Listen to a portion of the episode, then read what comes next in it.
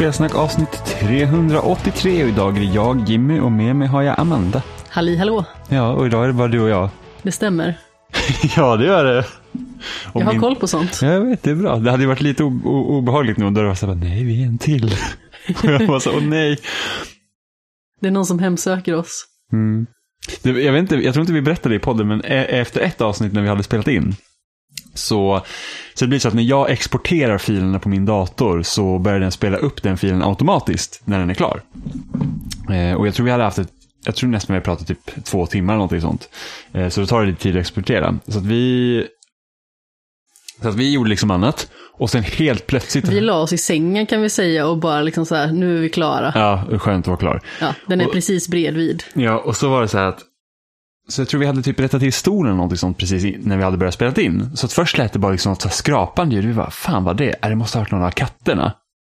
Eh, och, och när vi börjar inspelningen så kollar man alltid att det kommer ljudvågor. Så då säger man ju alltid någonting i, i mikrofonen. Och så först hör man det här ljudskrapet. Så bara, vad var det? Är det måste ha varit katten. också. Så det var ingenting. Och helt plötsligt så hör man så här i högtalarna. Bara, och det visste inte vi. då. Så bara, Hallå! Och jag, alltså jag var ju så jävla rädd. Jag trodde att någon liksom typ satte in huvudet genom dörren eller någonting sånt och sa hej. Men jag hade koll på dörren, så jag trodde det kom från under sängen och blev livrädd. Ja, det var, ja, det var sjukt obehagligt alltså. Så det, just, det det var liksom verkligen så här, the perfect storm. Så här, bara att liksom, först hörde man bara något ljud. Istället för att liksom man säger, alltså oftast när jag startar inspelningen så brukar jag säga något på en gång. Typ, Eh, jag spelar in. Ja, jag spelar in. Eh, och det gjorde inte den här gången, utan då var det storljud och sen bara, hallå. Eh, det, det var sjukt läskigt alltså. Stefan, du har lärt oss dumma saker. Ja, Stefan. Ditt svin. Faktum är att jag håller ju, apropå vi Stefan. älskar Stefan, Ja, det gör vi. egentligen. Eh, Stefan är verkligen jätterolig. Men också Eh, dum. Eh, Stefan är den roligaste personen norr om Stockholm. typ. eh, nej, men faktiskt är det ganska kul för att Stefan är, som vi kunde konstatera i förra avsnittet, väldigt bra på tv-spel. Eh, och Jag eh, förstår inte vad du menar, alltså han är väl okej. och eh, det roligaste med, med eh, Xbox det är det att man kan spela gamla spel på den också. Så jag har så då har vi ett spel som heter Geometry Wars Retro Evolve 2. Och de som liksom spelar mycket på 360-tiden har ju såklart koll på vad det är för spel. För det är ett av de bästa så här, Xbox Live Arcade-spelen som kom. Eh, så det är liksom en Twin Stick Shooters där det finns olika lägen som man då eh, samlar poäng i. Och jag har då legat etta på de här brädorna sen typ 2010. Och helt plötsligt så har Stefan av någon jäkla outgrundlig anledning startat det här spelet och kört ett läge som heter pacifism. Då kan man inte skjuta eh, fienderna som är på skärmen utan man måste åka genom olika grindar som då typ gör ett utslag som, som dödar liksom eh, fiender. Och det kommer börja nya fiender hela tiden så du har ju liksom en stor hög efter dig. Och jag låg då på ganska säkra 80 miljoner i poäng här. Oliver ligger tvåa på 79. Stefan säger bara, åh, jag typ ramlade ur sängen, råkade starta Geometry Wars och bara råkade ta 256 miljoner. Så att det har jag liksom så här typ varvat och spelar nu mellan varven bara för att se om det går. Och det är liksom så här att fienderna är egentligen inget problem med det här spelet. De är ganska lätta. Det är de här jävla grindjävlarna för de snurrar lite om vartannat och typ, och sen kan man dö om man träffar kanten på dem. Och den här jävla lilla typ knoppen på kanten, den är typ super mega imba stor jämfört med vad den borde vara. Så att det är ofta man dör på dem. Jag tror att ditt största problem är att Stefans ande i det här jäckar dig hela vägen igenom. Det är skitstörande. Jag tror det värsta jag dock har varit med om i den här typ jag och Emma i och för sig hade ganska mycket high score-tävlingar när vi lärde känna varandra. Så här, typ olika eh, spel på, vi hade Crossy Roads hette det. Som det är typ som Frogger. Eh, som man ska liksom eh, gå över vägen. Och inte bli träffad av liksom bilar. Och det här är liksom så här, typ en endless runner. Så det finns ju liksom hur långt som helst. Och så är man en kyckling. Och så ska man hoppa över. Och det var ju liksom, Visst var det här ett mobilspel? Ja, Crossroads heter det. Det, det är superroligt verkligen. Men alltså det, alltså det var typ så här, varje gång man vaknade på morgonen och såg att man fått ett meddelande av Emma så typ hjärtat tog ett extra skutt för man trodde att hon hade slagit igen. Eh, men för några år sedan så var det Aron och jag som hade en tävling i något jävla skitdåligt Facebook Messenger-spel där man skulle hoppa runt. Äh, det var... Ja, det, ja, det var, jag kommer inte ens ihåg vad det heter, men jag kommer ihåg att vi typ störde våra redaktionskollegor för att, vi poster, för att det postas automatiskt de här jävla highscoren när man liksom dör. Och körde det skitmycket. Och han, jag tror han till och med streamade det här spelet för att han skulle slå mitt rekord. Men jag leder än. Sådana interna duster är ju väldigt roliga faktiskt. Ja, så länge man vinner. Ja, du har ju lite otur där med Wordfeud mellan oss. Ja, men det är inte riktigt samma sak. Ja, det beror på hur man ser på det. Ja, men det är ingen Hur många heist. gånger var det jag hade vunnit Nu, relation till nu, dig? jag vet det är inte relevant i Alltså den här vi har ju frågan. spelat så himla mycket Wordfeud. Ja, det har jag vi. tror att jag har vunnit 191 gånger och du har vunnit 93. Eller vad det Nej, jag hade vunnit över 100 och du hade vunnit 200 någonting. Ja, då kanske det var 191 mot 293. Ja, eller någonting sånt. Eh, Skitsamma, det är i alla fall jättemånga gånger som jag har spelat Wordfeud under de två senaste åren. Ja, ja, men jag har ju en som jag spelar med Wordfilm, jag har haft ett pågående spel sedan 2017. Så att, eh, och det berättade vi, det- jag tror det var när senast när Isabelle var med eller någonting sånt, var ju att det var ju en, en äldre man som jag spelar Wordfeud med och vi hade liksom inte pratat med varandra. Eller han kunde chatta lite då och då så här, och han trodde att jag var en kvinna. Och sen när han fick reda på att jag inte var en kvinna, sen så har vi inte spelat typ sen dess. Så att, eh, ja. Men ing- inga penisbilder på Wordfeud i alla fall. Så det Nej, för man kan inte skicka foton. Man kan skriva så här, eh, man kan rita en liten penis i ASCII. så var, det, det var ju faktiskt ganska sjukt, när smsen kom så kunde man skicka sådana meddelanden med så här typ, så, så bilder som var gjorda av tecken. Så där skickade säkert en del personer snusk. Liksom. Förmodligen. Det fanns massa sådana grejer. Finns säkert snusk i morsekod också. Oh ja, sexnovell i morse. Bara, oh, it's getting good. Eller så här, typ sexnovell i Sitter röks, där ute på havet liksom. i röks. ensammast i världen. Sex novell i röksignaler. Man hoppas att det inte är molnigt. Det är liksom lite jobbigt så här. Bara, shit vad dimmigt det blev nu och det kom precis till the good stuff. vad gör vi nu? Jag tycker att det ser ut lite som fyrverkerier. Åh. ja. Nej, men det är... Så att eh, poängjagandet går väl sisådär. Sen så var det faktiskt så att, jag, jag, jag, det har vi inte heller riktigt pratat om i podden, men, men jag har ju äntligen införskaffat en Series X. Som jag fick i födelsedagspresent. Av Eder. Det stämmer. Så att det var ju kul. Eh, och, och jag tror att liksom rent så första spontana intrycken av maskinen, när jag haft den i snart en månad. Jag kan säga att du fick den av Emma och Robin också. Ja, precis. De kan också få lite cred. eh, men, Jag kan inte ta all. nej, men eh, så nu har jag haft den nästan en månad och jag har liksom inte, inte spelat någonting nytt på den egentligen. Som liksom bara kan spelas på Series X. Det kommer ju Microsoft Flight Simulator kommer nu i juli, så det ska jag testa. Eh, men precis som när vi pratade om det här i vintras när konsolen var ny, eh, så är det det att jag misstänkte att det skulle kännas lite som när man köpte en One X, att det är så här, ah, men det är en Xbox som är bättre. Och det är ungefär så det känns. Eh, så det är ganska nice. Så jag spelar lite Yakuza 6, eh, som har typ så här FPS-boost som gör att det liksom de, de höjer upp bilduppdateringen helt enkelt. Och eh, det är faktiskt eh, väldigt eh, trevligt. Ärligt talat. Kan du inte berätta lite mer om Yakuza 6 då? Jo, det kan jag När vi ändå är inne på det. Det kan jag faktiskt göra. Eh, så att det här året har ju varit ganska Yakuza-tätt. Ganska fascinerande. Vi har spelat typ åtta Ratchet Clank-spel och nu är jag inne på mitt det blir femte Yakuza-spel för året. Eh, med Yakuza 6 då. Jag tror faktiskt att du avslutade det första, va? Nej, Jag spelade i december. Så kanske det var. Mm. Jag körde i början av december. Och sen Skitsamma, så... det är jättemånga spel Ja, det är, kort tid. det, det är jättemånga spel. Och speciellt med tanke på att varenda spel utspelar sig typ på samma karta också. Det kan vi också med i varenda spel. Även Men om... sex stycken spel inom loppet av ungefär ett halvår. mm, men det känns ändå, alltså, Yakuza-spelen är ju liksom trevliga på det sättet för det känns som att man spelar liksom en tv-serie, mer eller mindre. En såpopera. Ja, men lite så faktiskt. Nanny. Eh, och det här delen ska ju vara Kirius eh, avslutande del då. Så att eh, jag hoppas ju att upplösningen i spelet liksom också känns som ett avslut. Att det inte blir... För att varenda Yakuza hittills har jag ändå slutat med lite så här typ cliffhangers liksom. Jag tror värsta var... Ja men det är typ alltid ett avslut med att man tror att Kiryu dör. Ja, men lite så. Eh, jag tror tvåan hade nog värst cliffhanger. För det var verkligen så att det slutade typ precis som att nu var det fan kört. Och sen så fick man typ en liten eftercredit scene, så det var liksom lite, eh, lite bisarrt. Eh, men eh, så nu har jag spelat sexan och eh, jag har, jag är på kapitel 11 av 13, så att jag är liksom snart i mål där också.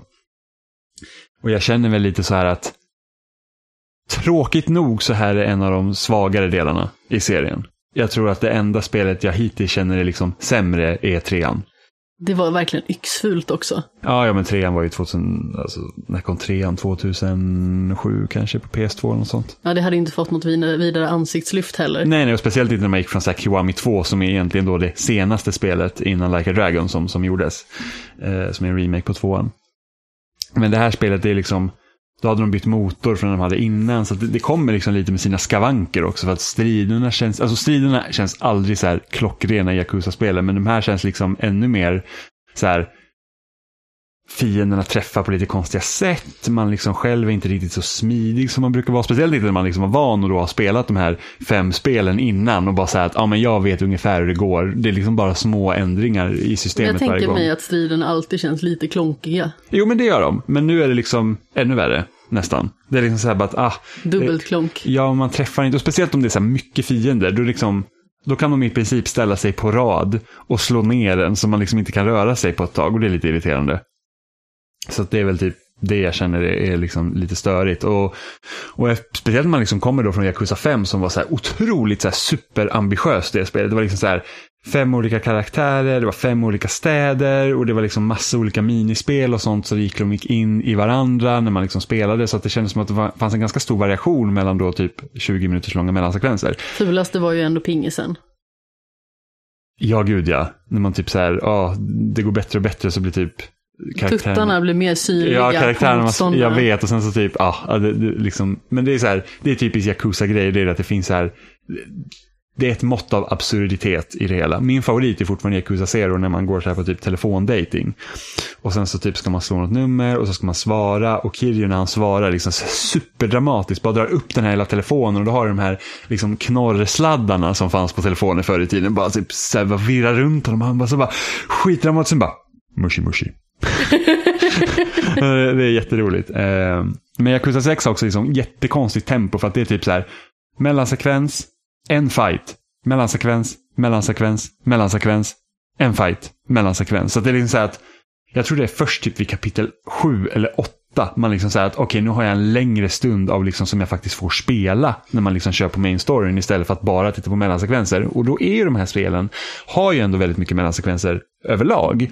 Men jag har aldrig känt liksom så här att okej okay, men alltså nu har jag inte fått typ spela nästan någonting på två timmar. Vilket jag tycker är lite tråkigt. Men det är också ganska så roligt för det känns ju som att det blir en så märklig avvägning liksom när det går från jättelånga filmsekvenser och sedan in i strid så känns det som att de har försökt att väga upp det med jättemycket fiender.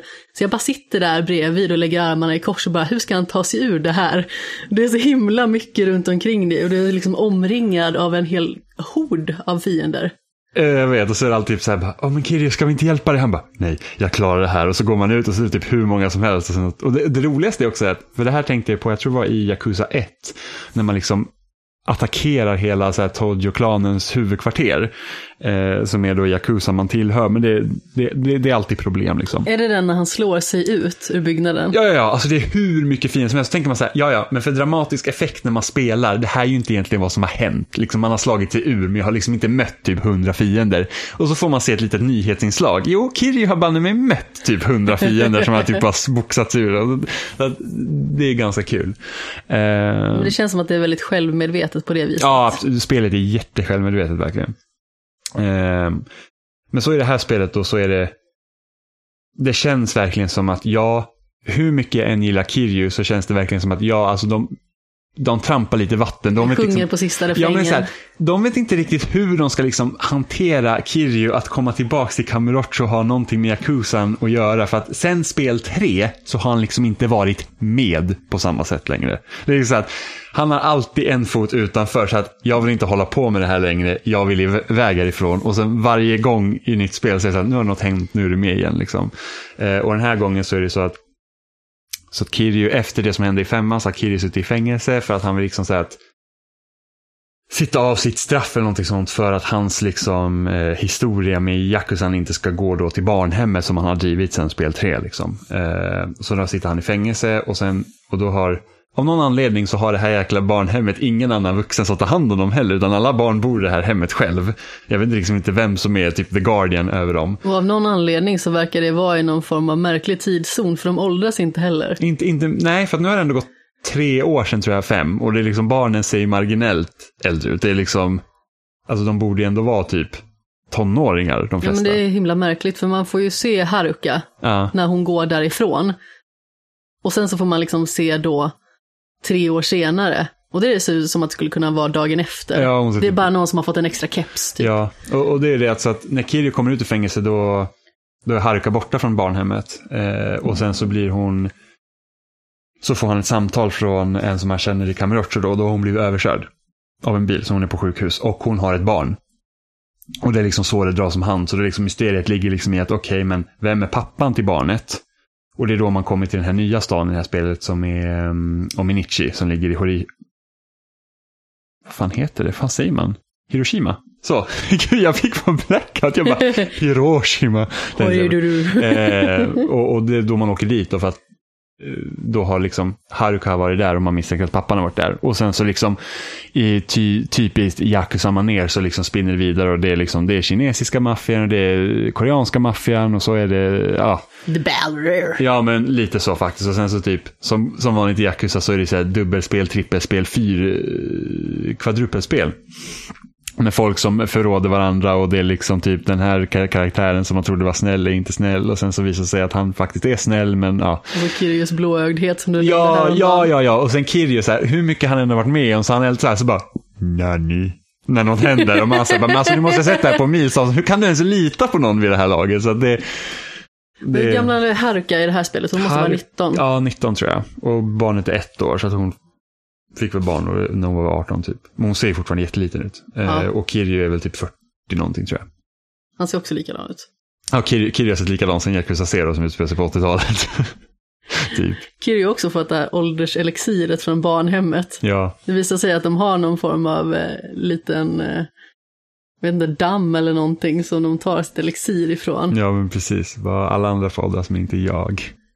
Eh, men det, men det, alltså Yakuza-spelen är verkligen jättebra. Nu, nu finns ju alla på Game Pass också, så om någon är liksom nyfiken får jag så börja med Zero och tycker om Zero så bränner igenom resten av spelen. Liksom. De, är, de är verkligen kanon. Mm. Ja, vi ska ju spela Like a Dragon parallellt. Mm. Roligast är att jag började det här projektet för att jag ville spela Like a Dragon. För det var så här att det är så absurt att man tar en serie som i princip är en brawler och sen så bara, nej men nu är det ett eh, omgångsbaserat rollspel. Man var så här, what? Vad är det som händer? Så var det gjorde att jag bara så här, bara, oh, jag måste spela allt. Även om Like a Dragon då är typ som en reboot så man behöver inte spela de andra spelen. Men jag vill ändå ha den liksom, historien med... Ja, Persona har ju gjort omvända. De gick ju liksom från Persona 5 till Persona 5 Strikers, som jag är lite nyfiken på.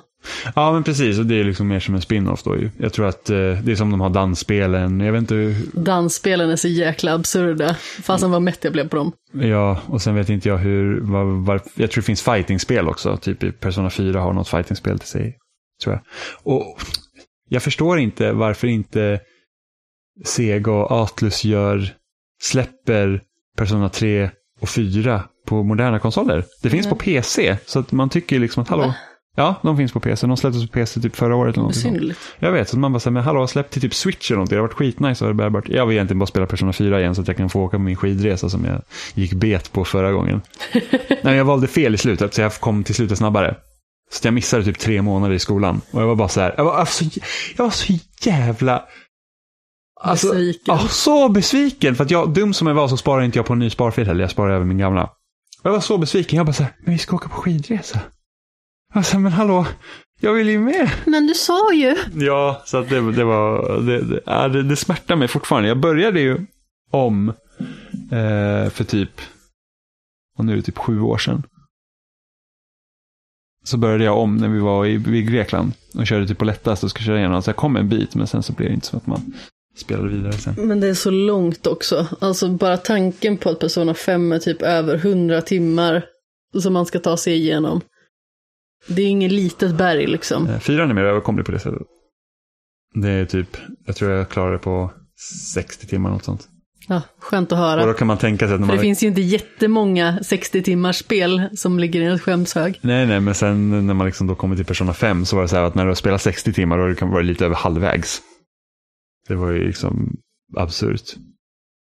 Men, eh, ja men Yakuza 6, eh, lite av en besvikelse faktiskt. Eh, eller ja, besvikelse. Det är kul att spela igenom, men eftersom jag haft alla på rad nu så hade det varit, det hade liksom känts annorlunda om man liksom hade varit super Yakuza-fan liksom och så spelar man allt och så bara, ah, nu kommer sexan och sen så bara, mm, lite av en downer. Eh, men eh, ja, ja, men det är rätt kul. Men du hade ju också spelat lite, du har ju också slagits. Ja, det har jag gjort. Det har varit några besynnerliga veckor med eh, lite annorlunda recensionsval från min sida. Jag kände liksom att det var ganska länge sedan som jag tog mig an ett spel och det senaste var Near Replicant som ju släpptes i april. Så kände jag att jag behöver testa någonting eller bara spela någonting som bryter av liksom den Mass Effect-koman som man nästan upplever för att jag har ju spelat det jätte, jättemycket. Och eh, jag antecknar ju så himla mycket också så det är skönt att ha någonting att bara avlasta hjärnan på, förutom Fall Guys. Eh, så då tog jag mig an Guilty Gear Strive.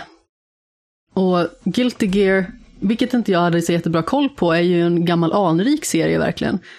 Om vi tänker då att eh, första Super Smash Bros släpptes 99, så släpptes det här 1998. Så det är liksom en 23 år gammal serie som man liksom inte har varit inne och nosat på överhuvudtaget.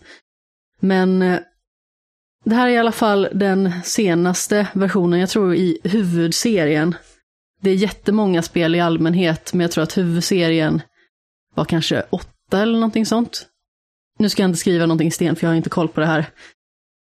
Men eh, det utvecklas i alla fall av en Yokohama-baserad studio som heter Arc System Works. Och det är lite av en kultserie vad jag har förstått. Och eh, har en ganska så dedikerad fanskara.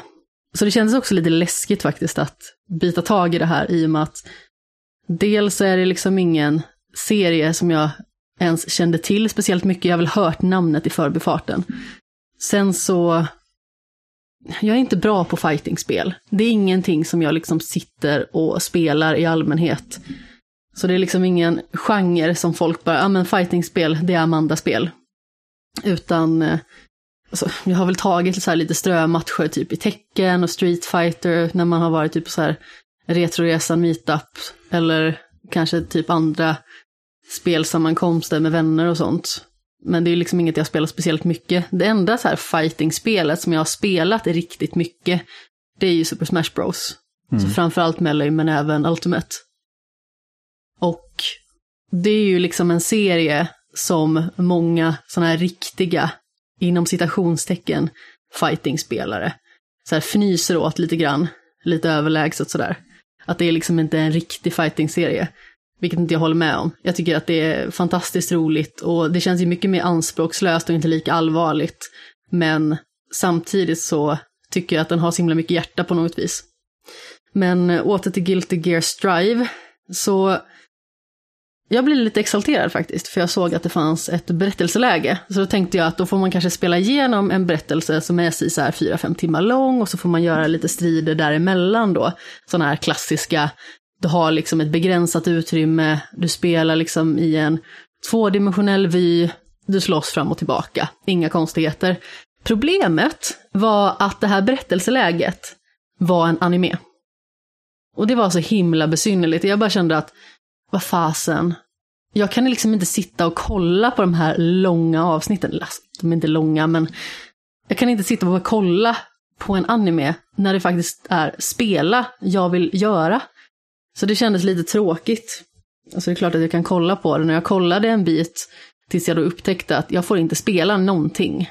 Jag får liksom inte göra några val, ingenting alls. Utan då får man helt enkelt bara bita i det sura äpplet och kolla klart.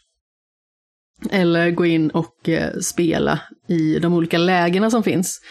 Och i och med att jag är så himla ny så kände jag ju liksom att det som är bra för mig det är naturligtvis att gå igenom en tutorial för att få lite handledning och eh, lära mig lite mer om spelet. Och sen så är jag, precis som du brukar säga, att du är ganska dålig på sådana här knappkombinationer. Jag är fruktansvärt dålig på knappkombinationer. Jag, jag kom inte förbi tutorialen i Killer Instinct. För att du behövde, det var så här att, ja men lär dig den här långa kombon. Ja, det gick relativt bra och smärtfritt, även om det liksom krävs lite mer. Sen så bara så här, här har du en till lång kombo. Den är dubbelt så lång. Kombinera de här två kombosarna och jag var så här, jag klarar första kombon och sen så bara, pff, det bara sket sig totalt. Jag, jag, jag kan inte.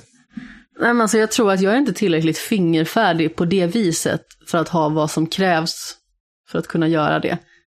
Alltså, jag kan mösa.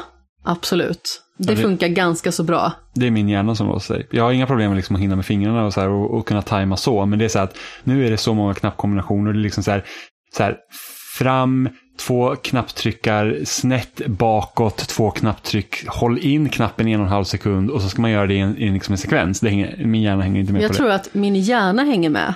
Alltså jag är ganska så bra på att memorera och sådana grejer. det. Och det är inte jag. Mitt problem är att när jag ska liksom göra det fysiskt, då hänger kroppen inte med. Det är samma sak när man gjorde sådana här dansmattor som vi hade i skolan liksom. Mm. Och så stod man där och bara, jag kan den här låten utan till. Men kroppen hänger inte med, jag hinner inte. Jag vet inte hur det är möjligt, men jag hinner fasen inte med på den här förbannade låten som är svår. Ehm, och lite samma sak är det ju här, att för att verkligen kunna konkurrera med andra spelare, om man testar att spela online, då behöver man kunna det där. Och då går det liksom oftast inte att bara mörsa, vilket är lite synd för att jag är på tok för dålig. Och sen så var det lite tråkigt också när jag testade online-delen som, eh, eh, vad ska man säga, det har liksom en värld utgår ifrån så får man gå runt och vänta då på att olika spelare ska ansluta sig. Det tog för lång tid.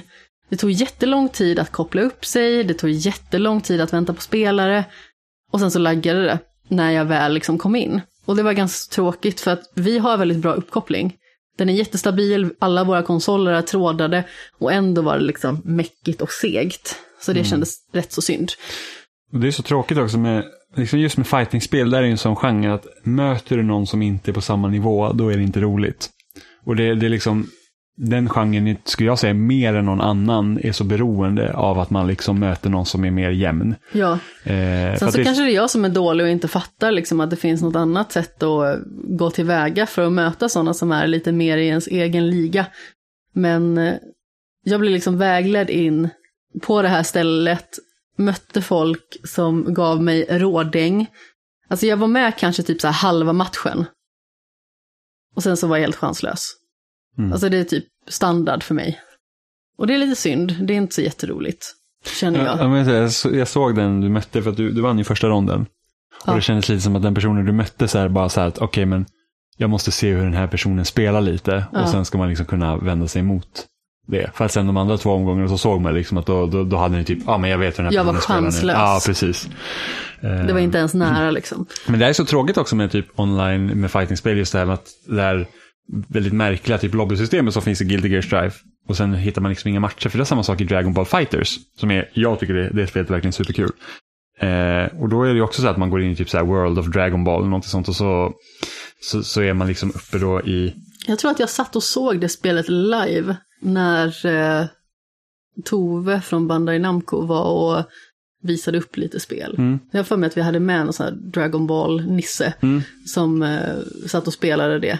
Jag kan ha fel, men vi fick eh, testa det och sen så var det ju Code Vein och så var det Nino Kuni 2 då. Men då, så då, då är man ju också i ett så här lobbysystem och så finns det massa andra människor. Sen så får man liksom sätta sig då typ in i en arena och så får man vänta att någon kommer dit. Och det liksom tar jättelång tid att, att hitta folk. Och samtidigt så här fanns det också, det finns achievements där, och du ska spectata vissa matcher och då måste man liksom sätta sig på typ läktarplatsen och sen titta på när folk fightas. Men, liksom hit, Nej, men hittar liksom inga matcher, så det är lite tråkigt. Dock har ju typ Dragon Ball Fighters har typ världens bästa lobbylåt, så att det var ju liksom en bonus. Eh, men så det, jag vet inte varför det är liksom så svårt att hitta, kan hitta matcher i typ fightingspel och sånt. Men det känns som att de behöver ha ett enklare system. Typ att det finns olika grupper lite mer. Alltså det är kanske bara jag som inte har hittat det här eller någonting. Som sagt, jag är novis.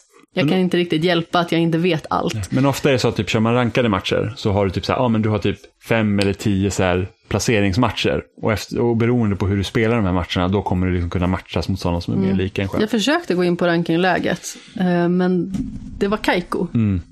För, det typ, Det funkade liksom inte. för det är typ samma sak, kör man rankade typ Halo 5 eller typ Rainbow Six Siege, då är det också så att ja, men du har tio matcher du ska köra.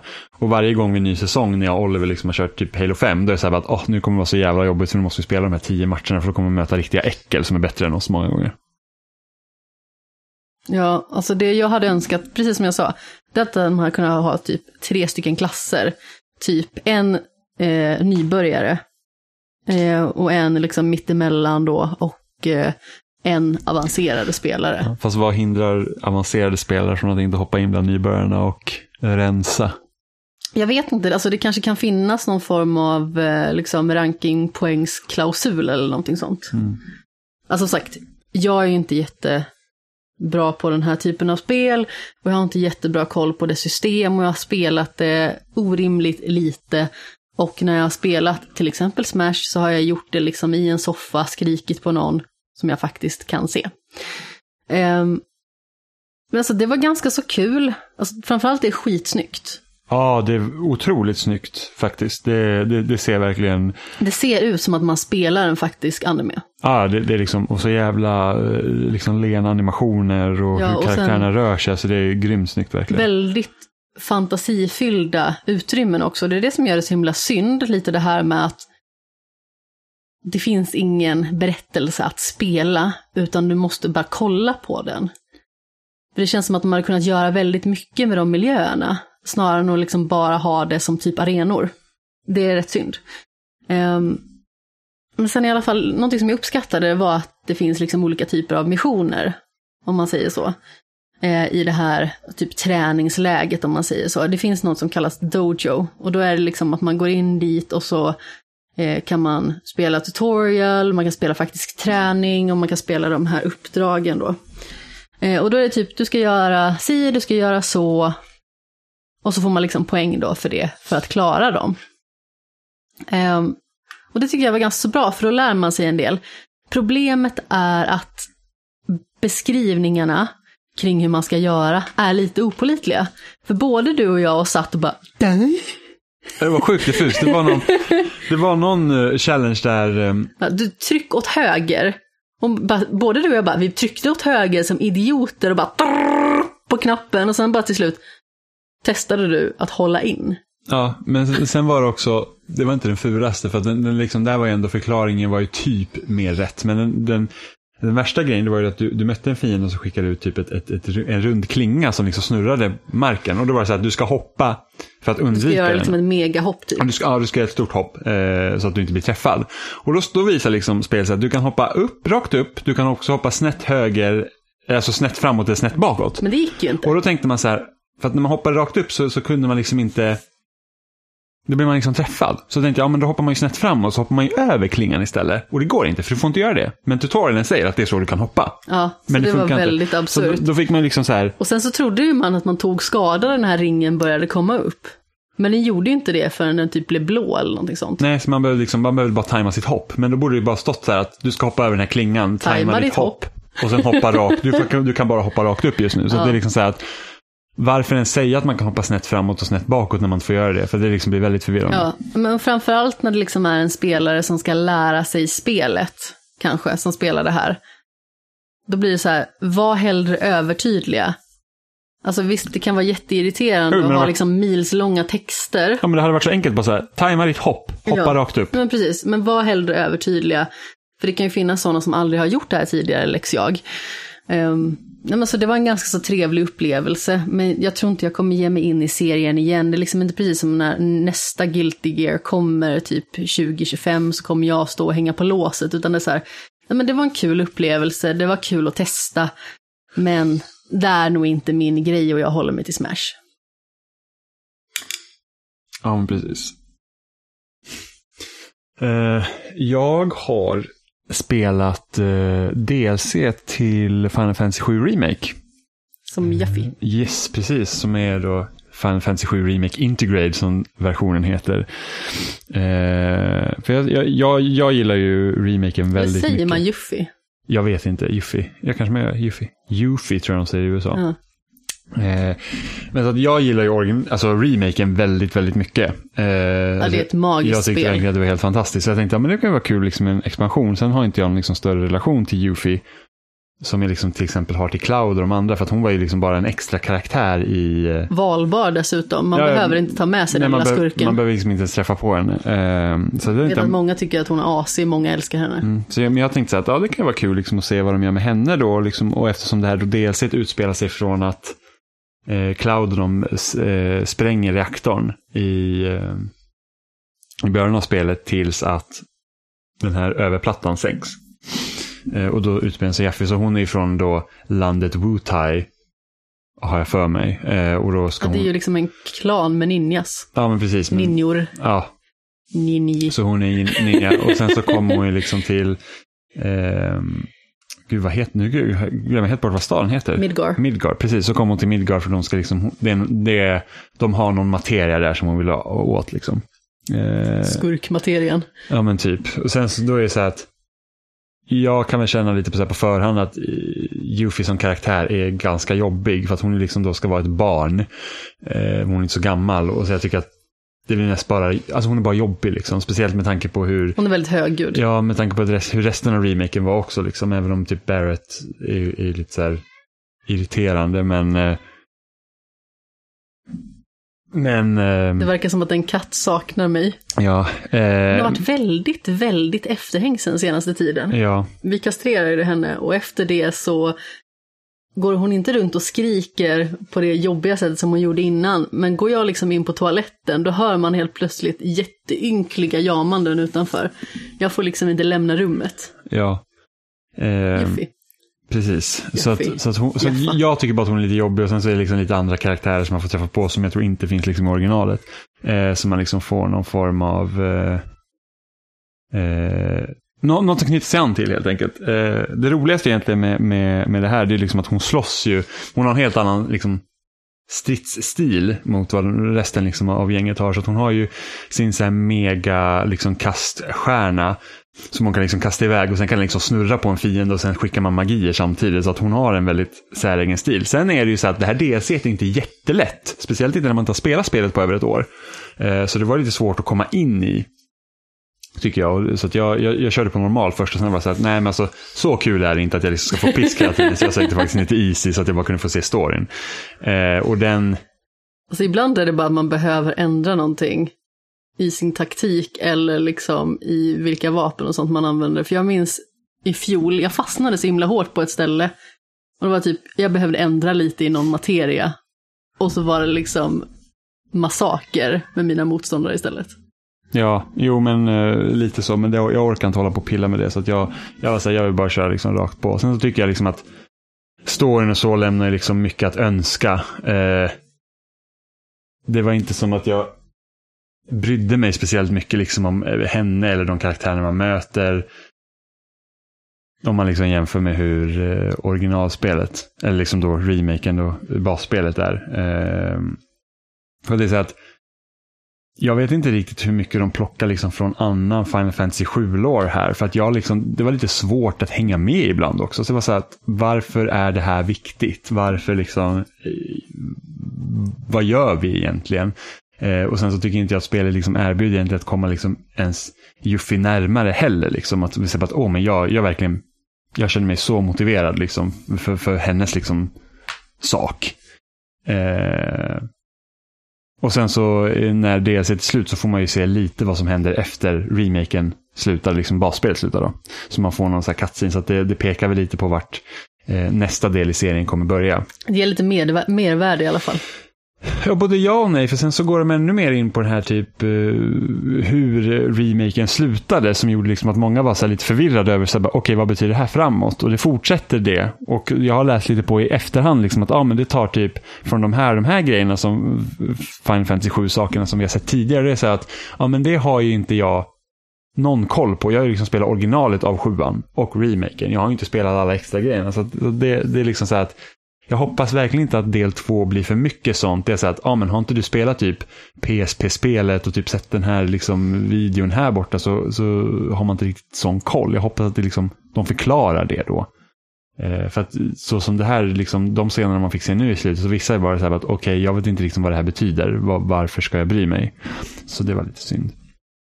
Eh, men annars så att liksom, vill man typ ha lite mer av Final Fantasy 7 Remake så visst, då kan man ju liksom se till att köra det. Men jag känner liksom inte att det gav jättemycket faktiskt.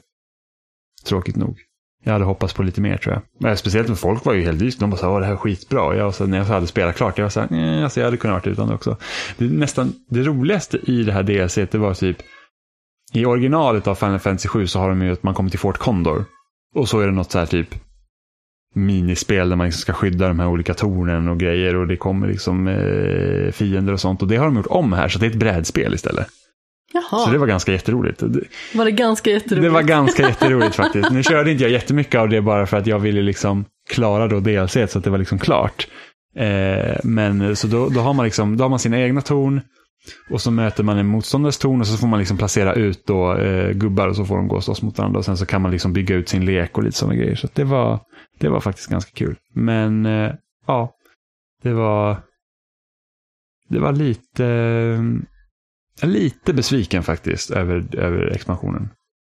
Liksom, det är inte som att när, när part två av remaken kommer komma så kommer man bara, oh yes, hoppas vi får se mer i, Yuffie liksom. Jag kommer bara säga att alltså, snorunge stick, typ. Ja, men alltså det är ju lite det som har gjort att jag inte har varit jätteexalterad över det här och faktiskt inte liksom planerat att spela det heller. Det är ju liksom för att Yuffie är ingen karaktär som jag känner att jag är jätteintresserad av att följa på något vis. Eh, och då ser jag hellre henne implementerad i resten av gänget.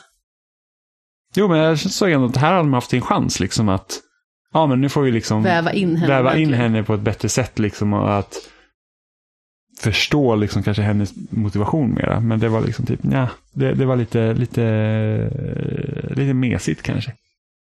Lite tafatt. Ja, men faktiskt. Men du har inte bara, du har ju liksom, du har ju gått från typ en strid till en annan i princip. Så du, först har du slagits med knytnäven och sen har du slagits med medaljer. Ja, alltså det måste jag säga har varit väldigt roligt. Eh, jag har ju skickat en hel del i vår interna chatt om det här och jag har spelat, eh, nu ska vi se, Olympic Games Tokyo 2020 tror jag att det heter. Det kanske har en under, undertitel typ The Official Game eller någonting sånt. Men det är i alla fall så att... Eller typ eh, never happened. Ja, men exakt. Det var ju på grund av anledningar i hela det här föregående pandemiåret som satte käppar i hjulet att man då sköt fram OS som då skulle äga rum i Tokyo.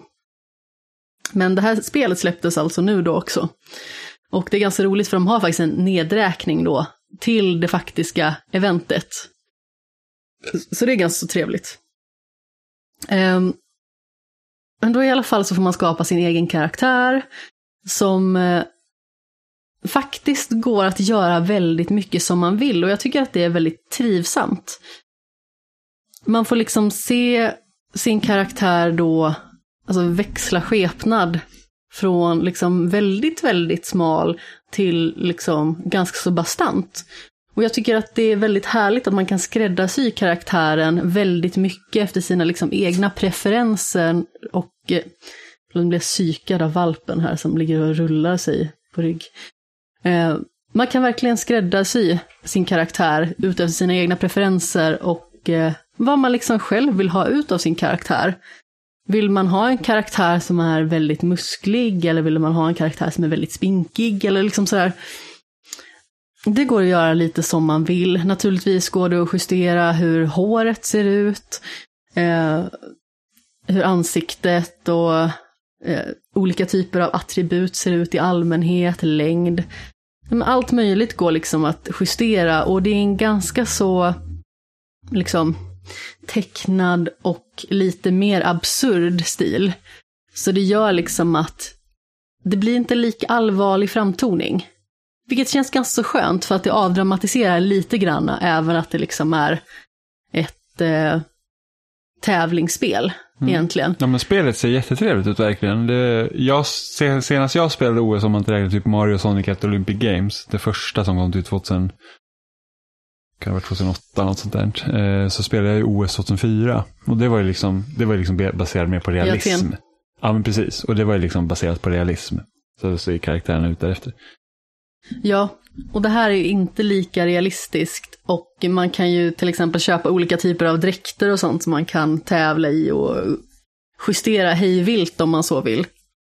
Nu är min eh, automatiska klädsel när jag ska tävla i 110 meter häck en Sonic the Hedgehog-dräkt. Och det är alltid den. För det har jag ställt in. Vilket är ganska roligt.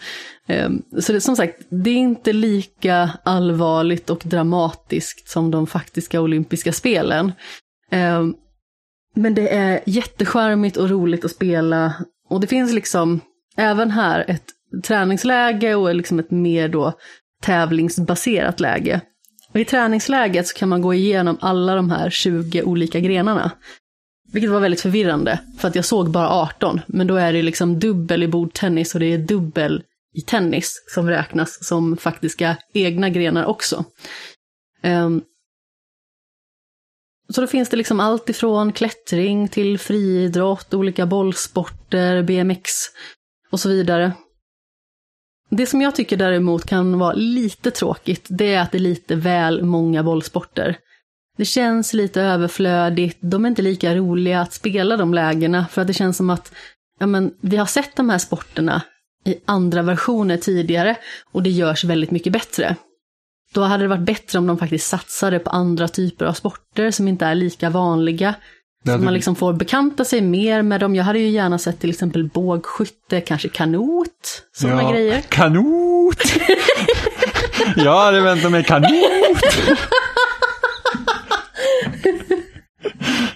ja, det är lite tråkigt att inte kanot fanns med. Hur som haver. Jag saknar typ så här tre steg, eh, stavhopp, höjdhopp. Ja, men alltså, jag hade ju jättegärna sett dem fokusera mer på... Kanot! Nej! På friidrottsgrenarna. För att det tyckte jag var jätte, jätteroligt att följa. Sluta skratta åt mig Jimmy. Så roligt var det inte. mm, synd på kanot! det var inte falbajs i alla fall. Nej, var det Hur som helst, friidrott var en sån grej som jag följde nitisk. Alltså alla olika typer av galor, EM, VM, OS och så vidare. Jag har till och med varit och kollat på friidrott live. För att jag tycker det är så himla roligt. Alltså både typ så här Finnkampen, men också liksom lite mindre galor som typ Telenorgalan i Blekinge var jag på. Jaha. Ja, alltså jag träffade jättemånga stjärnor där. Det var jätteroligt. Alltså jag fick typ så 25 stycken autografer eller någonting av allt ifrån typ, eh, jag tror att det var Sanna Kallur till exempel och för mig att Carolina Klüft var där också till exempel. Så det var ju liksom i den här, skulle man kunna säga, piken av friidrott när det var så himla många duktiga på en och samma gång. Mm. Eh, det känns som att Sverige hade ett väldigt starkt lag då. Och som sagt, det var liksom väldigt roligt att få träffa de här personerna. Vissa var lite mer, eh, jag vet inte, dryga är väl kanske lite taskigt att säga, men de kändes ju kanske lite, jag vet inte, som att de inte var jättenöjda med att skriva autografer till en liten tös sådär. Att de tyckte att eh, de var lite för mer. Eller sådär, men de gjorde det ändå bara för att någon kan ju se. Mm. Jag, kommer, jag brukade jaga autografer när jag var så här typ stor, var, vi var uppe på Sundsvall Open tror jag när jag var liten. Så det är liksom största travloppet på Bergsåkers Ja. eh, travbana. Och då var det alltid liksom massa massa liksom så större kuskar där. Så jag tog ju typ autograf från vem som helst. Jag kommer ihåg till så mindre kända liksom, eh, kuskar och sånt. De var jätteglada när man frågade autograf. Och, typ, Ja. och det var så här, det här fick man sin årliga autograf av Leif Loket Olsson. Han var alltid där. Ja, nej men alltså det var ju naturligtvis, eh, höll på att säga spelare, är så van vid att säga det med tanke på min egen liksom, idrottsliga karriär. Men eh, alltså idrottare som eh, var från världen över. Så det var liksom inte bara svenskar som var på plats, utan det var ju liksom en hel drös med intressanta namn Mm. som man fick eh, se tävla. Och det var ju jätteroligt, tyckte jag. Ehm,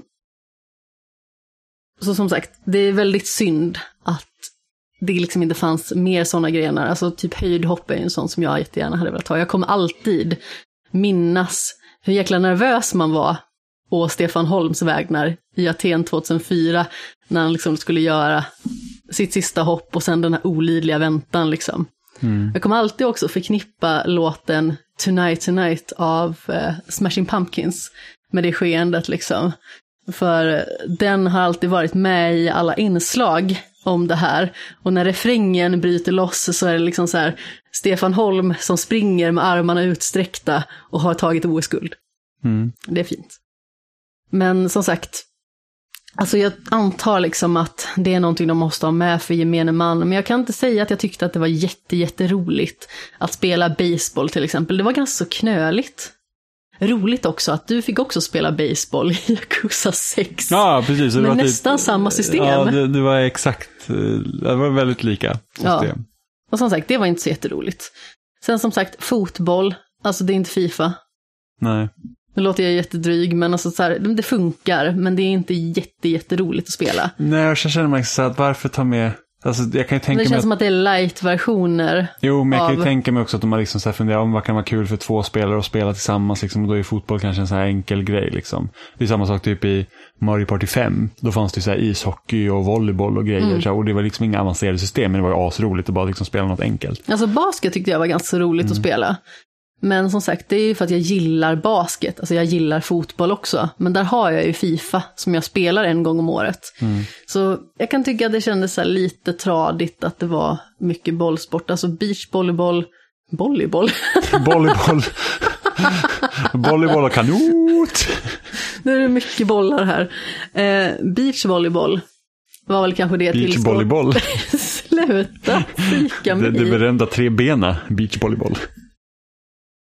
Och kanot. Ah.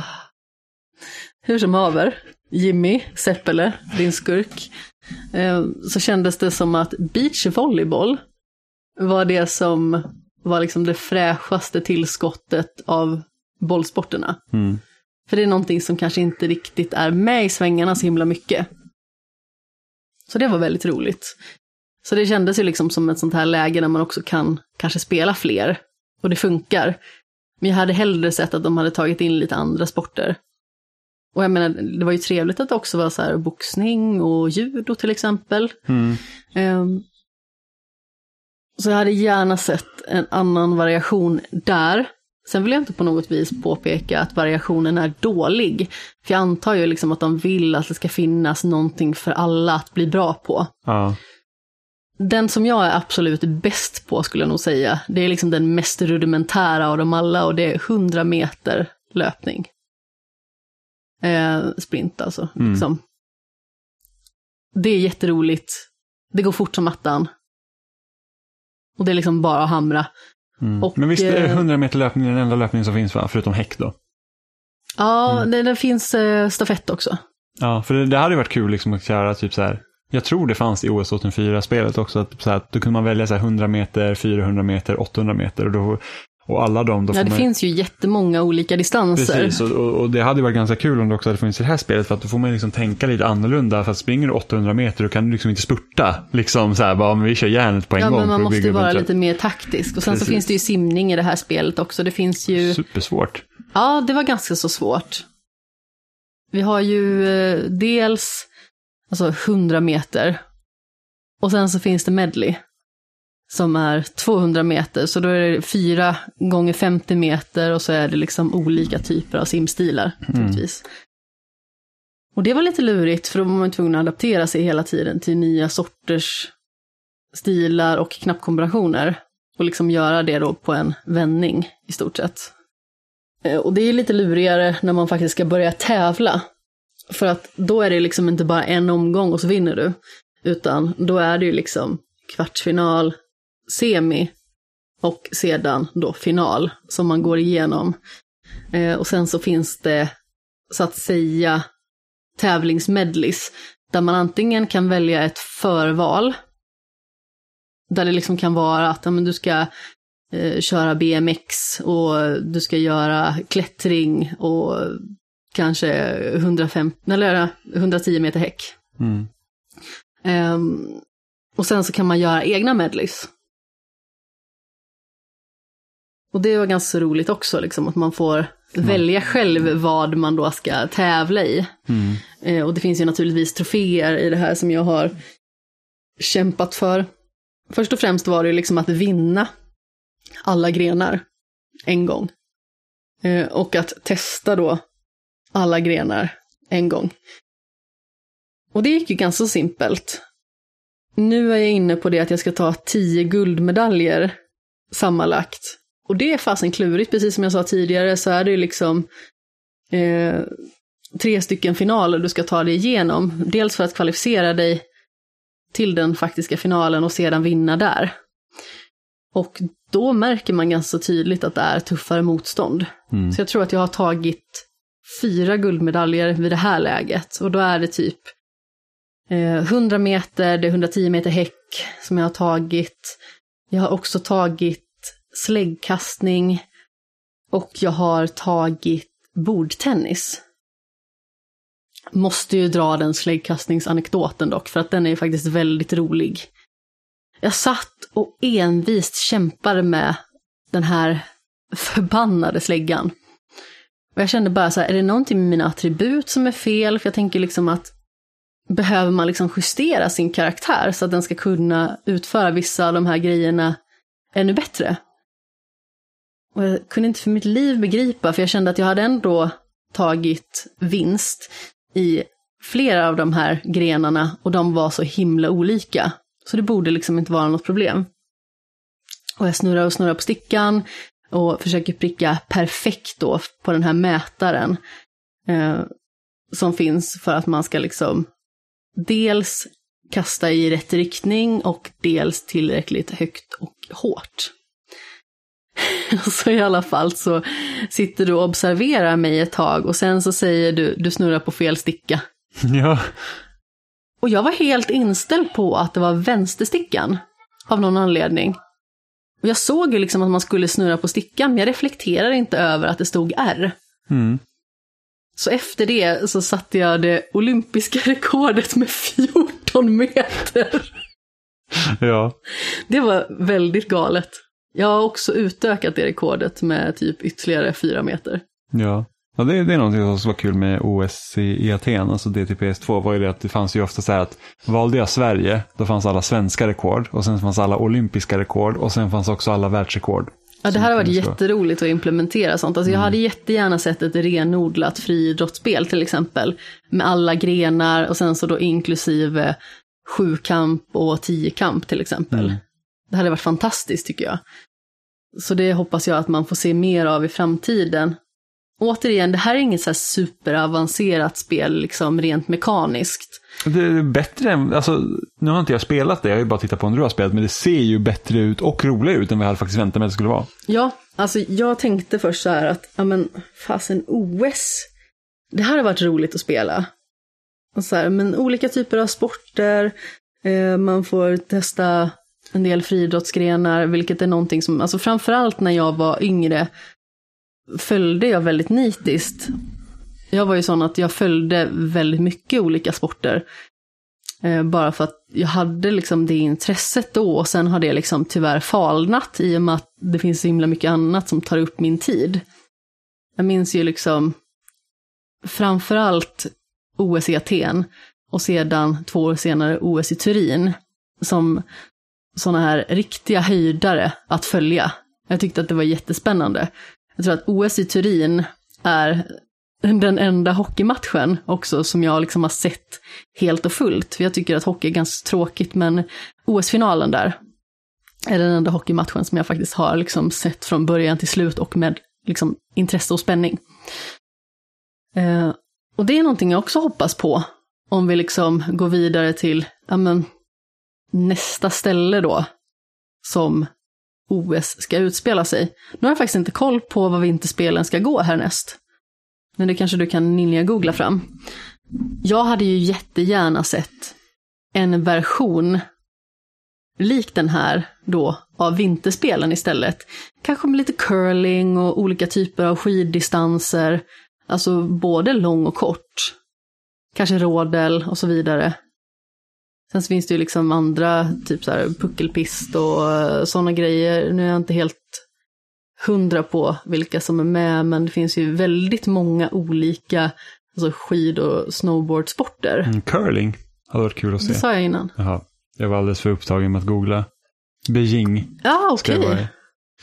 Jag tror det var lite, det var väl lite kontrovers kring det, att de vill att eh, OS inte ska köras i Beijing på grund av det som har hänt med i Kina. Ja, men det är förståeligt.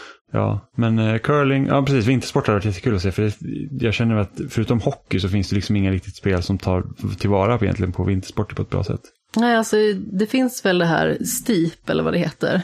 Ja, ja snow, snowboardspel eh, har ju funnits med så skidor och sånt. Det är inte alls lika ovanligt. Nej men precis, alltså jag såg att det fanns, för jag kollade nämligen på Playstation Store, att det fanns något typ vinterspel. Men det såg liksom ganska så rudimentärt ut och liksom inte så jättegenomarbetat. Men jag hade jättegärna sett någonting sådant i stil med det här. För det här var verkligen jätteskärmigt och jag är så himla glad för den här upplevelsen. Vi har haft så roligt med den. Mm. Och det passade mig som handen i handsken för att jag gillar ju att tävla och när någonting drar igång liksom den här tävlingsdjävulen i mig så gillar jag att sitta och nöta för att vinna eller så simpelt som att liksom plocka troféer då. Så jag tror att de första tre timmarna eller någonting hade jag tagit 50 procent av Mm. trofélistan eller någonting bara för att jag tyckte att det var så roligt. Mm.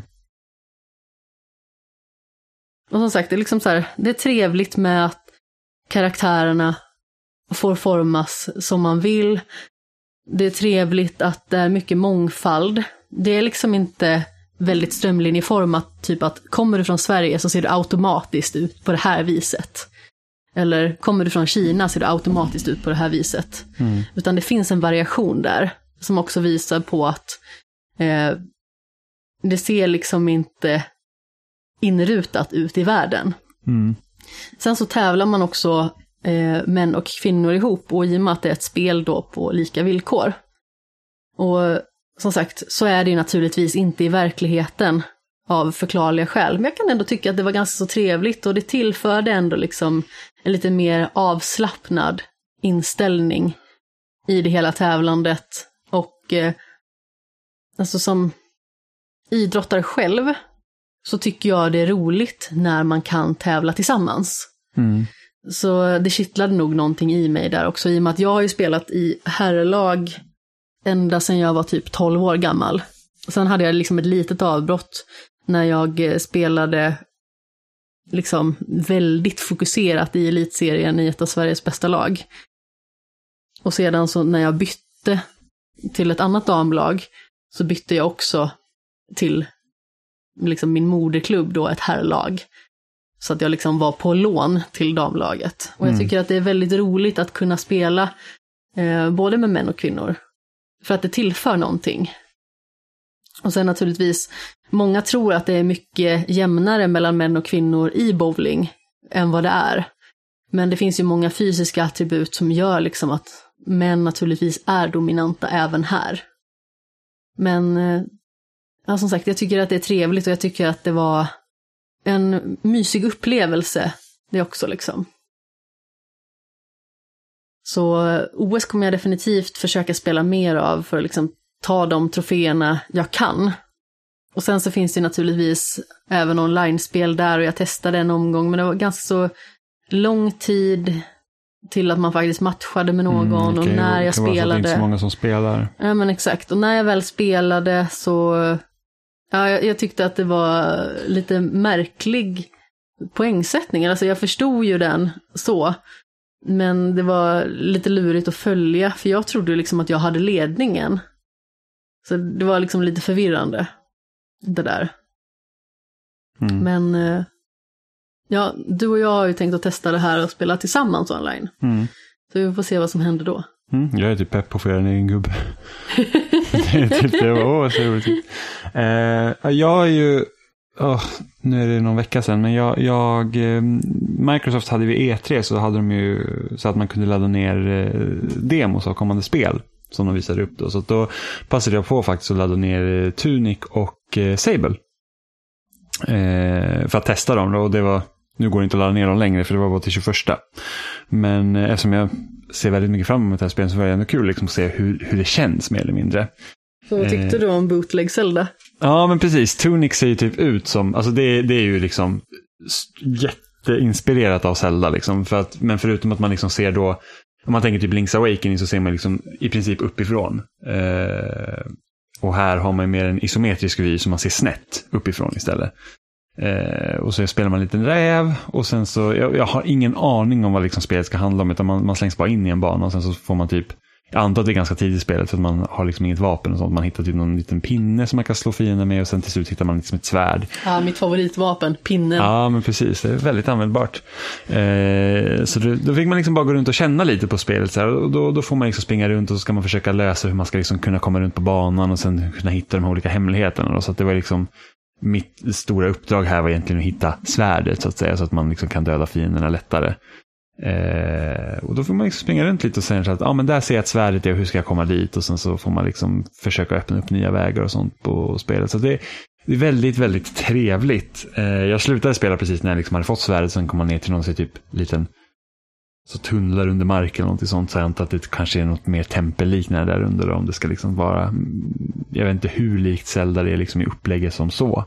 Eh, men det var faktiskt väldigt trevligt. Så jag, jag, jag, ser verkligen fram emot det. Det kändes också bra att spela och det ser jättesnyggt ut. Så det, det, det, det, var positivt eh, upplevelse i alla fall. Det, det, värsta är ju så att man liksom ser ett spel som man har sett fram emot och sen så när man testar det så bara, ah, det kändes inte så bra. Eh, och andra spelet är ju Sable då och det här spelet har jag sett fram emot sen det visades på E3 2017 eller 2018 första gången. Jag tycker det var väldigt roligt för när du nämnde det här och jag inte hade hört talas om det så googlade jag Sable och fick upp en, vadå? Ja. Sabel? Äh, Eller? Ett djur. Ett djur, jaha okej. Okay. Jag, jag tänkte ju typ vapnet som Aladdin har. Ja, du tänker en sabel. Ja, en sabel ja. Ja, precis. Nej, men googlar man Sable så eh, får man ju helt enkelt upp en, en eh, liten eh, sobel. Ett mårddjur. Ja. Det var inte vad jag eftersökte. Nej. Jag blev väldigt förvirrad. ehm, och, och det här spelet ska liksom, det ska ju vara helt och hållet liksom ut, alltså man ska utforska i det. Det, liksom, det ska inte finnas några strider och sånt och så får man lösa pussel och sånt. Och det här var också något som jag inte liksom, jag vill inte köra för mycket av demot för jag antar att det är så här spelet börjar så att man liksom inte, det är det värsta jag vet med demot, det är att du spelar början och sen när du väl köper spelet så måste du spela om det igen. Det tycker jag är skittråkigt. Eh, därför är det ganska kul eller bra med sådana som släpper demo och sen så bara, ja ah, men vi sparar din sparfil så att när du köper spelet så kan du börja därifrån vart demot tar slut. Så ser det inte ut att vara här tror jag. Men så jag ville bara liksom in och känna på det och, och det är liksom, ser man till den grafiska stilen så ser det väldigt säreget ut. Det ser ut som en liksom gammal tecknad film. Liksom. Eh, och även typ så animationerna för karaktären du styr är ju kortare än vad liksom, om vi säger att spelet kör i 60 så kanske animationerna på karaktären går i 24 bilder i sekunden istället. Så det blir väldigt ryckigt. Så det ser ut som en gammal tecknad film också när karaktären rör sig. Eh, så, så att det är väldigt, eh, det ser väldigt trevligt ut. Det är supersnyggt verkligen. Så att jag körde typ fram till man fick sin liksom första farkost då, så det är lite svävare som man fick flyga runt. Eh, så jag vill bara liksom känna hur, oh, hur känns det att styra den här, för jag antar att man kommer få använda det väldigt mycket. Eh, och nu ser ju den, den svävaren man fick ser väldigt annorlunda ut från den som varit i trailern. Så jag antar att man kommer liksom kunna antingen så här byta fordon eller typ uppgradera sitt fordon. Så det kommer vara annorlunda sen. Eh, så det var också väldigt trevligt. Och sen är så här Japanese Breakfast som gör soundtracket till spelet. Så det var ju kanon. Liksom.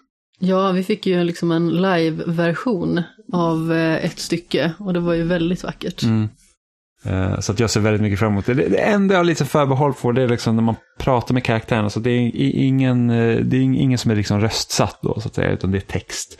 Och då är det liksom mer eller mindre att du får höra vad karaktären säger, eller se vad karaktären säger, du får ju läsa det och sen så liksom reagerar ens egen karaktär också med text. Så att det liksom blir så att, ja ah, men jag gick fram till den här lufsen och han typ såg lite, lite... Den här ja, lufsen. lufsen. Han såg lite typ eh, misstänkt ut. Eller ja, det, det, var inte alls vad det var eftersom hon känner de här personerna som man är då, men det var liksom så här typ att så man får den förklaringen. Så att jag kan tänka mig att det kan vara något jag kan störa mig på i längden. Att det blir väldigt mycket text då som känns onödigt. För till exempel att jag kanske inte bryr mig om att se min karaktär reagera på det sättet i text. Eh, även om det kanske liksom man, det är kanske någonting man vänjer sig vid och det finns en poäng med det när man spelar mer. Men först så här, första anblick så är så här att usch, det, det, vet jag inte om jag är så förtjust i. Men, eh, men annars så, det, det är liksom, jag ser väldigt mycket fram emot när det släpps i september. Sen vet inte jag när Tunic kommer, jag tror inte det har något datum mer än att det ska komma i år tror jag. Men, mm. Men det, så att de två spelen var väldigt... Sable ser jag jättemycket fram emot. Ja, ja men det, Spelet, det... inte mårddjuret. Ja, nej, men det, det, det, var, det var verkligen superfint. Så det, det är kul tycker jag med Microsoft här, att ja, men nu har vi liksom haft vår E3-visning och nu släpper vi lite demo så du kan få testa liksom under begränsad tid. Det är ganska trevligt faktiskt. Det var samma sak förra året och då testade jag det här Skatebird. Eh, så man spelar en, Man spelar som en liten sångfågel som har en liten liksom, fingerboard liksom, som var ganska poppis på 90-talet.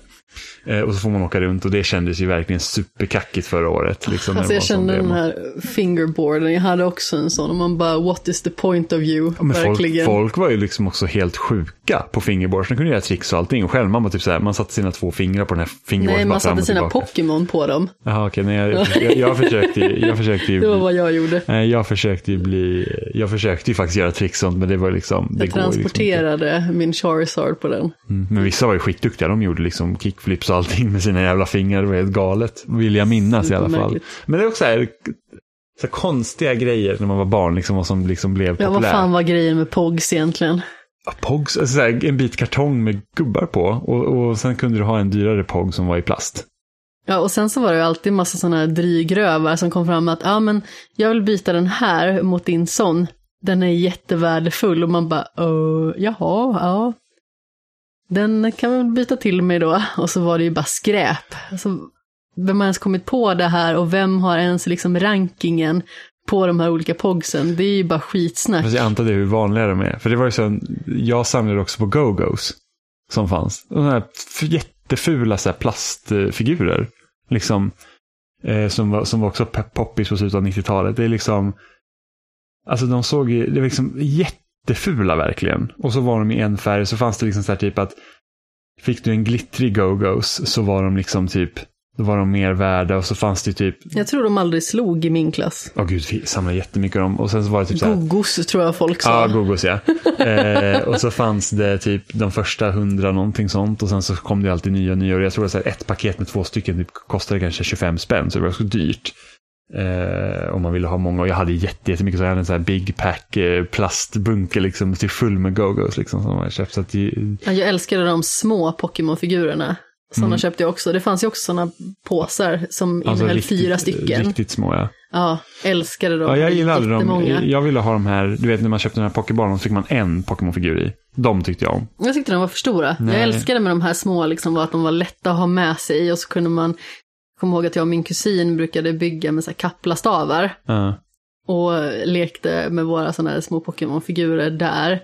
Och eh, ja, så hade jag ju min lilla fingerboard då som Pokémon som fick åka på ner för en bana byggd av Kapla.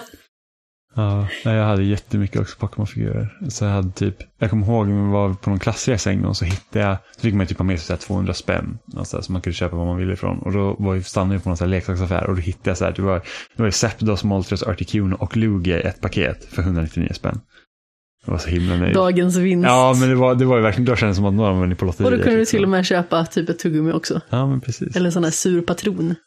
Usch. Jag har aldrig gillat sura godisar. Sur päronpatron var ju fantastiskt. Nej. Men eh, så det, så det var kul. Men sen så här att jag har ju typ inte någonting kvar av det, liksom de leksakerna. Inte jag heller.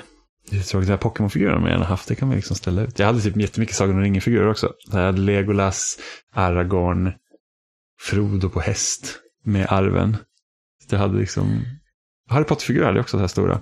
Så att jag hade, jag hade Harry Potter, Ron och Hermione. Sen hade jag Harry Potter på kvasten, så här, hans quidditch-kostym. Och sen hade jag Harry Potter när han har eh, osynlighetsmanteln på sig. Hade. Med andra ord ingenting. Nej men alltså det var ju typ en sån här transparent Harry jag, jag Potter-figur. Liksom. det. Så Jag det- försökte vara rolig. Ja, precis. Här, ett tomt paket. Man lurar hur många barn som helst. Ja, men det är lite som... Här är osynlig eh, Harry Potter. Alla bara åh. Jag såg på eh, Camden Market när jag var där, liksom att det var liksom en förpackning där det stod så här luftgitarr. Så här 10,99 pund. Nu också ingår gratis luftplektrum. Nej, vad dåligt. Det var jätteroligt. Var det folk som köpte det? Alltså jag kan ju tänka mig att man köper det bara för kul. Ja, dyrt för att köpa luft. Eller en bit kartong liksom. Jo, jo, men jag tänker att folk har ju liksom det säkert och bara ställer upp det så som en visningsgrej för skoj. Ja, det är sant. Vi hade, vi hade en sån här sjungande fisk. Som man, när man gick förbi så började den sjunga. Det låter hemskt. Bara, Den hade så här hooked on a feeling. Kunde sjunga och sen Nej. var det, Vad är det för sätt? ja, jag minns inte. Och sen så typ huvudet så här typ vred sig. Så var så här, hooked on a feeling. Och så bara, ja, det var jätte, det var ganska kul faktiskt. Men det var nog allt vi hade för idag. Det var massa spel som jag hade spelat. Ja, Ja. Och nästa vecka blir det masseffekt. Ja, om du har blivit klar med två. Jag kämpar Jimmy. Mm. Alltså det är inte det att jag kämpar för att det inte är bra, utan det är bara för att anteckningarna tar så himla lång tid. Jag tror jag är uppe i 18 eller 19 sidor Åh, anteckningar. Ja, jag har, ja, vi hoppas att vi kunna spela lite Mario Golf till nästa vecka också. Ja, det också. Så att det skulle egentligen komma i torsdags, men typ klassiskt Postnord. Och så bara, nej, vi kunde inte leverera det här paketet. Man bara, ni har inte ens varit här. Nej, vi var här när de sa att de hade varit här. Ja, men precis. Och det är så här, vi kunde inte leverera paketet. Ja, det här, det här smala lilla Switch-paketet då som kan gå igenom vårt brevinkast. Det är liksom, Men Alltså, det är uppenbart humbug. Men samma sak var ju också ett litet paket med kläder som jag hade beställt. Ehm, det är lite olika också, ibland så hänger de ju eller ställer grejer utanför också. Jag vet inte riktigt om det handlar om att det är olika liksom, leverantörer. leverantörer, precis. Eh, men, men då i alla fall så, jag tror att det var en knack så här på dörren. Och jag sov ju, alltså jag låg ju på min eftermiddagslur. Och typ vaknade till, bara så här, var det någonting? Jag får med att jag liksom var i någon sån här mellanland, liksom. jag hörde en knack, inget mer. Du satt inne liksom i sovrummet på möte. Mm. Jag tittar upp, inget mer. Sen bara så här, "Ah, men det var väl ingenting då. Mm. Så gick jag ut och kollade. Och då var det ju ingenting där. Och sen så fick jag typ ett sms en liten stund senare. Vi försökte leverera till dig, du var inte hemma. Man bara så här, det var en knack. Mm, men jag hade också en grej. Det var det här mest halvhjärtade försöket. Mm. Men jag kan tänka mig så att folk är inte riktigt hemma. Så man liksom för att spara tid knackar en gång. Okej, det är ingen som kommer. Då går man vidare för att det, det är liksom, de har så stressigt. Ska jag kunna Ja, men jag tänker att man kan i alla fall försöka knacka Jo, jo, men tänk, ordentligt. Alltså det var verkligen en knack och sen bara så här, jaha, nej, ja, okej. men det fulaste var att jag hade beställt någonting från utlandet. Eh, ja, det var faktiskt Double Fine Adventure Blu-ray Collector's Edition. Eh, som de det. sålde ut på Fangamer. Och då hade jag liksom jag betalat import och sånt för det. Och jag får liksom, jag har den här Postnord-appen på mobilen. Och så får jag säga att ah, vi har levererat ditt paket. Och man bara, alltså Nej. jag är här, det har inte kommit någonting. Så jag mejlar direkt. Liksom. Så jag bara, ah, alltså jag fick veta att det här paketet levereras till mig. Det har liksom inte kommit någonting. Och då var typ, fick jag förklaringen var att brevbäraren kan ha råkat eh, skriva i att det har liksom levererats. Men de har inte levererat det. Och sen så, eller så har typ en granne kanske fått det. Och det är så här att, ja, men är det borta då får du kontakta återförsäljaren för återbetalning. Och det är så här att, så Postnord slarvar bort mitt paket.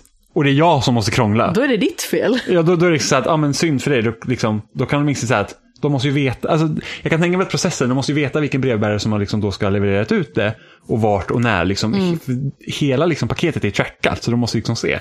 Men det är ju samma sak liksom när jag beställde eh, som platschef då till Älvängen en pall med grejer som aldrig dök upp. Och det stod att den var levererad och de bara, nej men vi har levererat den. Vart hade de skickat den? Vänersborg. Ja. Det är ju inte ens nära. Eller alltså det är ju hyfsat nära. Men alltså det är ju inte ens rimligt. Och då var det typ sådär att de sa att nej men eh, ja, ni får fixa det sinsemellan. Så då skulle vi åka till Vänersborg och hämta massa saker som vi beställde. Ja, Bara för att de hade levererat till fel stad. Ja, nej, jag tror att när, vi, när jag var på Järnhuset och vi fick liksom fel leveranser, då var det så att då ringde man ju typ, om det var typ Schenker som hade liksom levererat, då ringde man till dem och sa att vi har fått fel paket, det här ska inte bort. Och sen så bara bokar de liksom en upphämtning så hämtar de upp den pallen som är fel. Ja, men liksom sådär, man ska alltid lösa deras fel som de har gjort. Ja, ja, det det är så himla märkligt. Ja, men det, alltså, det värsta är också när det är import och betalar importavgifter. Så att okej, måste jag beställa en ny nu? Då måste jag betala importavgift igen. Ah, så himla dåligt. Ah, ja. Men eh, ni hittar oss som vanligt på spelsnack.com. Där finns också länkar till alla ställen vi finns på. Vi finns i varenda podcastapp som ni kan tänka er vilja lyssna på. Som Spotify, Apple Podcasts, Google Play. Allt möjligt. Eh, där ni hittar RSS-flöden, där finns vi. Vi finns också på YouTube, där också läggs eh, avsnitt varje vecka. Och ni kan också hitta oss på loading.se, där ni också kan kommentera och se vad ni tycker. Eh, Maila till oss på kontaktespelsnack.com eller byt ut kontakt mot några av våra förnamn, spelsnack.com om ni har synpunkter eller vill att vi ska diskutera om någonting speciellt så kan ni mejla dit. Det är roligt när ni mejlar. Ja, och ni kan också uppleva spelsnack i röksignaler varje onsdag 06.00. Vad var detta för något? Jag vet inte, allmänt bryt. Mm, kommer lite till så här Det är nog ungefär så här spelsnack by night. Jag försökte vara rolig och det fungerade inte. Barnförbjudna versionen i röksignaler. Eh, men ni hör oss igen om en vecka så kanske vi har lite golf att prata om då. Hej då! Kanot! Kanot!